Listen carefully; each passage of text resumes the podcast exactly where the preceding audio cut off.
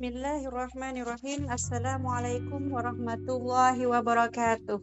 Jumpa lagi dengan saya Siti Nur Hikmah dari Palangkaraya di hari yang teduh ini. Masya Allah kita jumpa lagi dalam podcast tema kali ini yang kita bahas tentang sabar. Masya Allah setelah kita membahas tentang tema ilmu, bagaimana ternyata kita hidup itu perlu terus mengkaji ilmu, dan dengan ilmu itu pula membuat kita semakin yakin atas apa-apa amal yang kita lakukan. Kemudian kita belajar bagaimana untuk beramal sehingga ilmu itu bisa membekas di diri kita saat ilmu itu kita amalkan akan tetapi jika ilmu itu hanya sekedar saja angin lalu, maka dia tidak akan pernah membekas dan meninggalkan jejak untuk jiwa kita. Sehingga ilmu perlu diamalkan dan amal tersebut itu juga ada amalan-amalan yang dikatakan amalan tertinggi yaitu amalan dakwah ya kata-kata yang sangat dicintai oleh Allah dan Rasulnya adalah kata-kata menyeru orang untuk ke jalan Allah.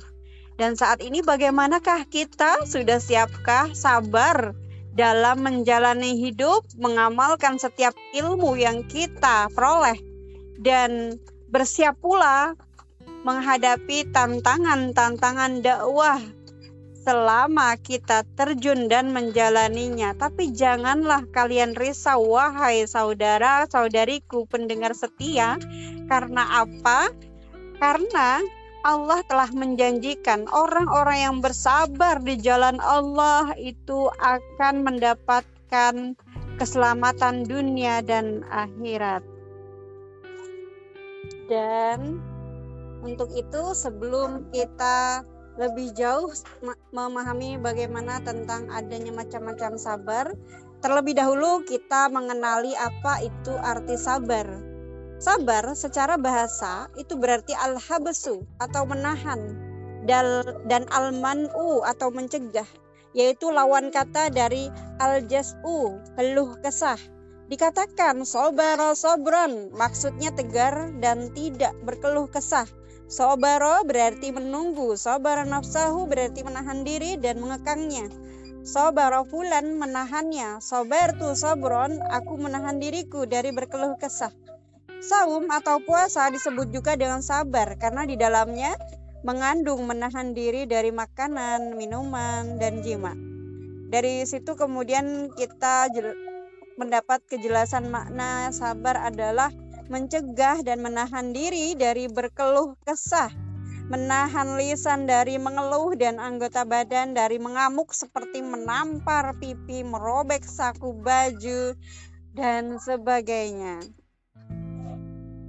Hakikat sabar adalah akhlak utama yang merupakan bagian dari akhlak jiwa yang mampu menahan pemiliknya dari perbuatan yang tidak baik dan tidak senonoh Sabar juga merupakan kekuatan jiwa yang dengannya ke, keadaan jiwa menjadi baik dan tingkah laku menjadi lurus. Dan kekuatan ini menjadikan manusia mampu menahan jiwanya untuk memikul berbagai bentuk kelelahan, kesulitan, dan penderitaan. Terbayang ya, hidup itu kita perlu banyak tok sabarnya. Coba bayangin sejak kita uh, menikah bagi yang sudah menikah gitu ya. Sejak kita menikah bagaimana kita harus bersabar atas perbedaan karakter antara kita dan pasangan kita?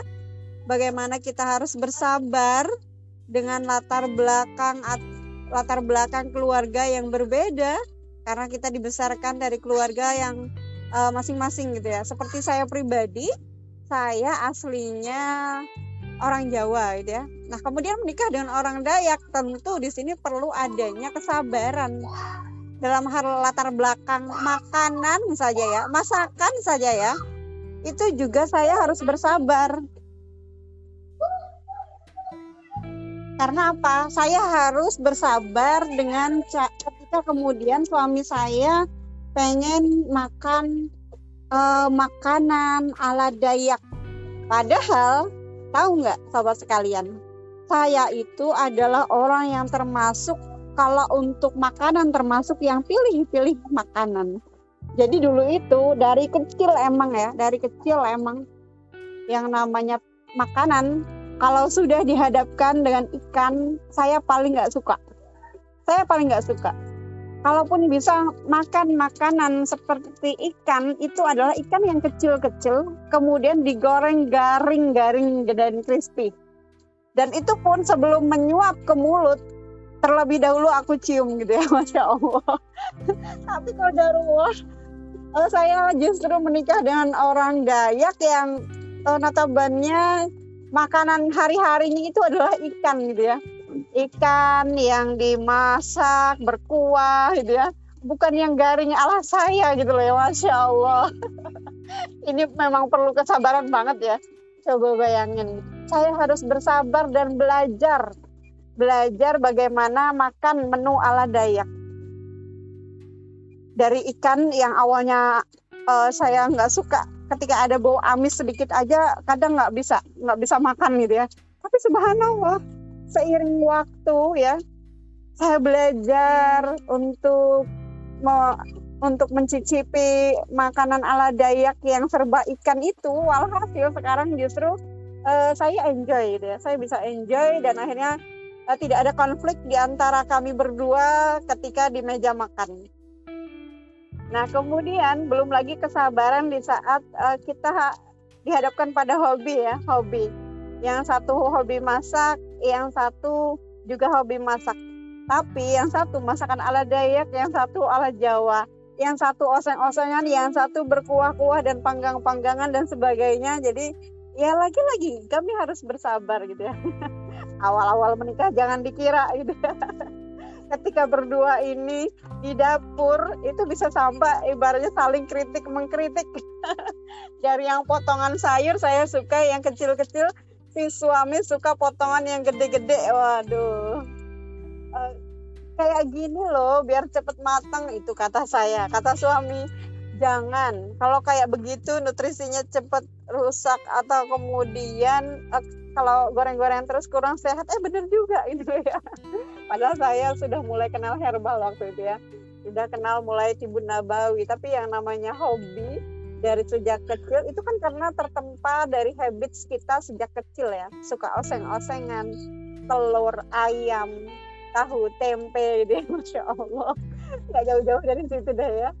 Tapi ya subhanallah ketika kita belajar untuk sabar sabar tekun dalam proses uh, saling take and give gitu ya saling menerima dan akhirnya bisa gitu ya. Itu baru baru sekelumit sekecil secuil gitu ya secuil belajar sabar untuk uh, bagaimana saling menerima ya, menerima dan menyesuaikan antara uh, pasangan ya, antara satu dengan yang lainnya. Dan masya Allah itu ya, saat kita itu bersabar menjalani hidup dalam rumah tangga saja, bagaimanapun badainya, ketika kemudian yang satu sedang berkobar api, yang satunya itu mesti apa? Mesti jadi sifat si air bagaimana dia menenangkan bagaimana dia menen menaklukkan si api ini gitu ya masya allah. Kok jadi ke sana sih ya? Kita mau ngobrolin tentang sabar tentang apa nih? Ya, oke. Kita kembali ke tema awal gitu ya. Bagaimana sabar. Tapi bener sih dalam rumah tangga itu memang perlu kesabaran. Bayangin ya sepagi ini saja kami mesti sabar menghadapi anak-anak ya. Anak nomor dua dia e, bahasa kasih sayangnya itu adalah pujian. Jadi ketika kita memuji saudaranya di hadapan dia, dia kurang suka. Tapi kalau dia duluan yang dipuji, baru adik-adiknya, nah dia baru oke. Okay.